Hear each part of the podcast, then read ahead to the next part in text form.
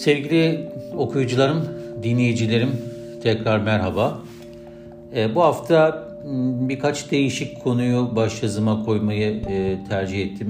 Çünkü bazen e, iki haftada biriken konuları e, es geçmekten de e, pek hoşnut olmuyorum tek bir konuya bağlı olarak. Bu hafta böyle oldu.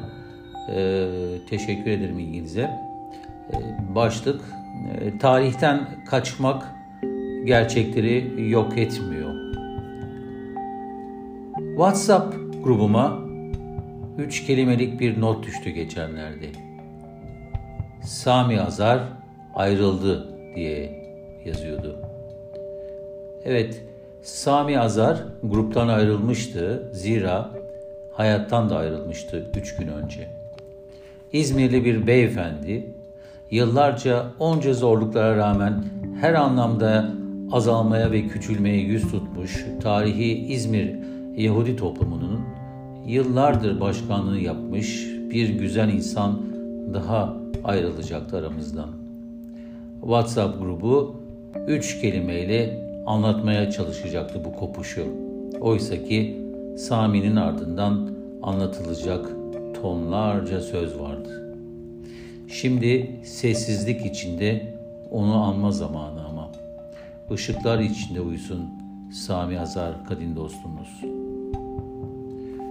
Türk Yahudi toplumu son iki sene içinde özellikle son aylarda çok nitelikli insanlarını kaybederek yoksullaştı, çok önemli değerlerini yitirdi. Pandemiden dolayı Türk reklam dünyasının en önde gelenlerinden Yakup Baruk'u kaybetmişti bu toplum. Her ölüm erken ölümdü ama onunkisi çok erken olmuştu kahpe virüsten dolayı. Geçtiğimiz sene ise Türk basınının dış haberler alanında en yetkin, en önemli gazetecisi olan Sami Koyen'i kaybetmiştik. Tarafsız gazetecilik bağlamında eşsiz çalışmaları basın tarihimize altın harflerle yazılacaktı, yazılmıştı da nitekim. Onun yerinin nasıl doldurulacağı ise tam bir muamma. Zira günümüzde nesnel gazeteciliğin geldiği nokta hepimizin malumu. Tarafsız gazetecilik ve objektif analiz yapma pratiği neredeyse bu ülkenin sınırları içinde yok olmuş, gitmiş durumda. Türk Yahudi toplumunun yetiştirdiği en önemli isimlerden biri olan Bensiyon Pinto'yu da kaybetti bu, bu toplum çok yakın bir zaman önce. İletişim gurusu olarak nitelendirdiğim Pinto sayesinde Kayadez yani sessizlik politikalarından sıyrılıp iletişimin gücüyle bir toplumun nasıl da doğru yönde yönetebileceğini cümle aleme göstermiş biri olarak tarihe geçmişti bile. Onun açtığı iletişim kapısını ardına kadar açık olarak tutmanın görevlerimizden biri olduğunu unutmamak gerekiyor. Hakikat adına, gerçek adına, karşılıklı farkındalık ve makulün ve barışın ortamını her daim taze tutmak adına. Ve son olarak önemli bir kayıp daha verdi Türkiye toplumu. Geçen hafta toplumla her daim ilgili olan yardımsever, vizyoner iş adamı Rıfat Duvenyaz'ı kaybedecektik. Türk sanayisi içinde büyük bir kayıp olacaktı. Kaybettiklerimizle biraz daha yoksullaştığımız her ne kadar doğruysa da hayatlarında örnek insan olmadığına büyük bir şevkle çalışan, üreten ve toplumun ve ülkenin nitelik çıtasını yukarıya çıkaran bu kahramanları örnek alıp çıtayı daha da yükseğe çıkarmanın çabası içinde olacak mıyız? İşte bütün sorun bu olmalı. Her anlamda azalan bir toplumun fertleri olarak ileride tarih kitapları yeni kahramanları yazabilecek mi acaba? 27 Ocak Holokost kurbanlarının her sene anıldığı bir gün olarak Birleşmiş Milletlerce kabul edilmiş bir tarih başta 6 milyon Avrupalı Yahudi olmak üzere Romanlar, engelliler ve Nazi muhaliflerinden oluşan tam 11 milyon masumun tarihin en akıl almaz yöntemleriyle yok edilmesinin anıldığı bir gün. Türkiye uzun zamandan beri Dışişleri Bakanlığı'nın ev sahipliğinde her 27 Ocak'ta bu anma günü vesilesiyle bir tören düzenlemekte ve Holocaust kurbanları tüm dünyada olduğu gibi Türkiye'de de anılmakta. Bu sene pandemi koşulları nedeniyle tören çevrim içi bir etkinlikle yapılsa da Ankara'da kentin simgelerinden olan Atakule aynı gece video mapping sistemiyle aydınlatılarak Holocaust kurbanları anıldı. Yansıtılan görüntü ise tüm dünyada 27 Ocak'ta kullanılan We Remember yani hatırlıyoruz sözcükleri oldu. Bu da bir ilkti ve Holocaust'un anlamının ve tarihi gerçeğinin yeni kuşaklara aktarılması ve bu bağlamda farkındalığın yaratılmasında çok olumlu bir etkinlik olarak kayda geçecekti. Ancak Holocaust'un senede sadece bir gün ve dar çerçevede kalan etkinliklerle anılması yeni kuşakların bu bağlamda bilinçlendirilmesi için yeterli olmayacağı çok açık.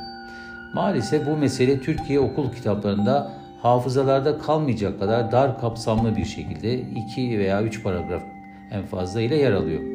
Çoğu dünya okullarındaki kitaplarda çok detaylı bir bilgilendirme yapılır. Çeşitli üniversitelerde Holocaust ile alakalı dersleri konur.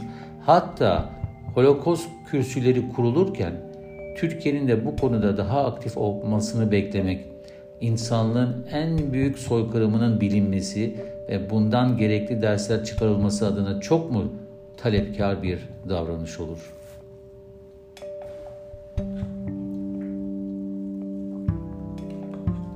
Netflix'teki Kulüp dizisi gerçeklerden hareket eden kurgusal bir Türkiye tarihi dizisi olarak gönüllerde taht kurdu.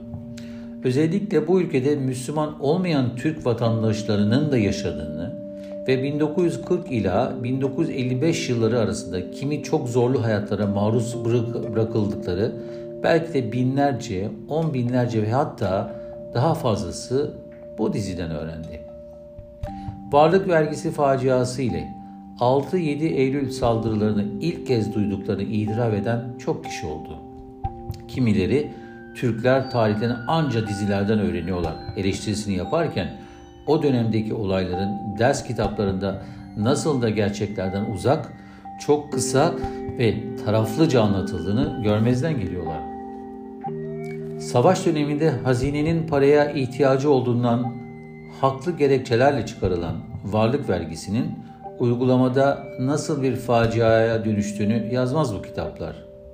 Zira aynı şekilde 6-7 Eylül olaylarının hangi nedenlerle başlatıldığını da belirtmez bu kitaplar. Bu nedenle bazen özgür platform dizileri bu boşluğu doldurur ve milliyetçiliği yanlış anlayanların komplo teorileriyle dolu suçlamalarına karşın tarihin ortaya çıkmasına vesile olurlar. Bundan sonrası ise meseleleri tarihi belgelerden veya bilimsel kaynaklardan tam anlamıyla öğrenmek isteyenlere kalır. Bu bağlamda varlık vergisiyle çöküşe geçen bir Türk Yahudi ailesinin yani Aseo ailesinin gerçek hayatta yaşayan dördüncü kuşağı evladının senaryosunu yazdığı dizinin Türk Yahudi toplumunu haftalardır derinden etkilemiş olduğu görülüyor ailesinin hayatının senaryosunu yazarak dizinin ses getirmesinde büyük rol oynayan Rana Denizer'in yani dizide Matilda'nın yeni doğan torunu Rachel ve Fıstık İsmet'in bebekleri Rana Denizer'in Şaram'a verdiği röportaj bu bağlamda dizinin çok anlamlı bir tamamlayıcı ögesi oldu. Bu nedenle röportaj için basında Sadece Şalom'u seçen Rana Denizer'e en içten teşekkürlerimizi sunuyoruz. Son söz şu olsun. Tarihimizden kaçsak bile tarih bir gün bir diziyle de olsa gerçeği anlatanlara anlattırıyor.